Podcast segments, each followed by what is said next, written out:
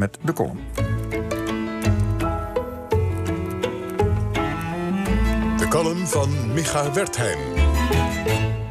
Ja, lieve luisteraars, u hoorde het net al in het reclameblok.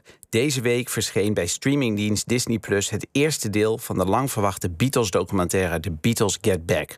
Regisseur Peter Jackson had om dit acht uur durende drieluik te filmen toegang tot 60 uur aan historisch beeldmateriaal. In de film die hij daaruit samenstelde, wordt, als ik het goed begrijp, een geheel nieuw licht geworpen op hoe John, Paul, George en Ringo de plaat Let It Be opnamen. De laatste plaat die van de Beatles verscheen. Zelf heb ik de documentaire nog niet gezien, omdat ik eerst van mezelf alle documentaires op Netflix af moet kijken voor ik een abonnement mag nemen op Disney Plus.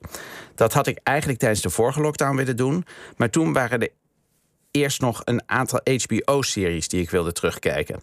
60 uur historisch Beatles-materiaal klinkt als een boel, maar om alle afleveringen van de Sopranos terug te kijken heb je bijvoorbeeld alleen al 86 uur nodig. Toch hoop ik dat als de Zuid-Afrikaanse variant de verwachtingen inlost, ik deze winter nog even flink door kan kijken, zodat ik ergens dit voorjaar aan de Beatles-documentaire kan beginnen. Tot die tijd ben ik vooral aan het rekenen. Er is namelijk iets eigenaardigs aan de hand met de Beatles. Toen ik werd geboren waren de Beatles al uit elkaar. Sterker nog, toen ik op de lagere school zat, waren de Beatles zelfs al heel lang uit elkaar. Om een voorbeeld te geven, toen ik acht was, waren de Beatles al tien jaar uit elkaar. Tien jaar is, zeker als je acht bent, een eeuwigheid. Ik heb de Beatles dan ook altijd beschouwd als een reliquie uit een heel ver verleden. Maar als ik nu tien jaar terug ga in de tijd, kom ik in het jaar 2011 tien jaar na de aanslagen van 11 september. En iedere luisteraar zal het met mij eens zijn dat 2011 niet heel lang geleden was. Sterker nog, 2001 is niet heel lang geleden, want toen waren de aanslagen op het World Trade Center. En dat herinnert iedereen zich als de dag van gisteren. Maar als ik diezelfde tien jaar aftrek van mijn eigen geboortedatum, kom ik uit in het jaar dat de Beatles nog moesten doorbreken. Het wordt nog gekker.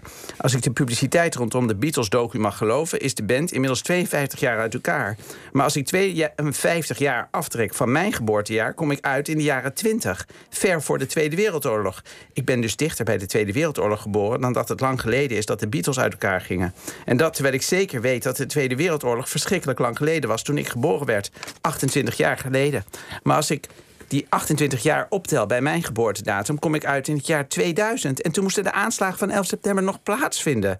Maar dat waren, zo hebben we net vastgesteld, helemaal, die waren, zo hebben we net vastgesteld, helemaal niet lang geleden.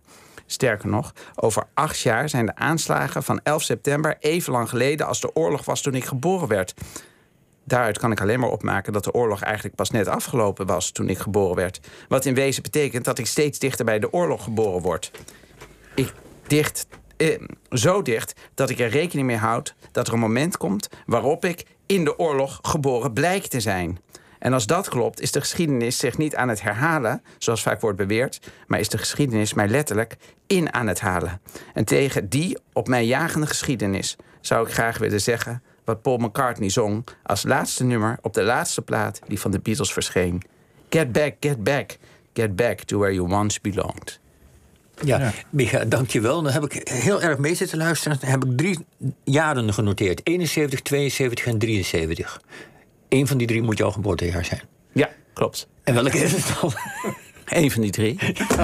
Let it ja, daar hebben de kijkers, eh, de luisteraars bedoel ik, eh, Wikipedia die, voor. Die, die, kunnen het uitzoeken. Ja, Micha, bedankt. bedankt.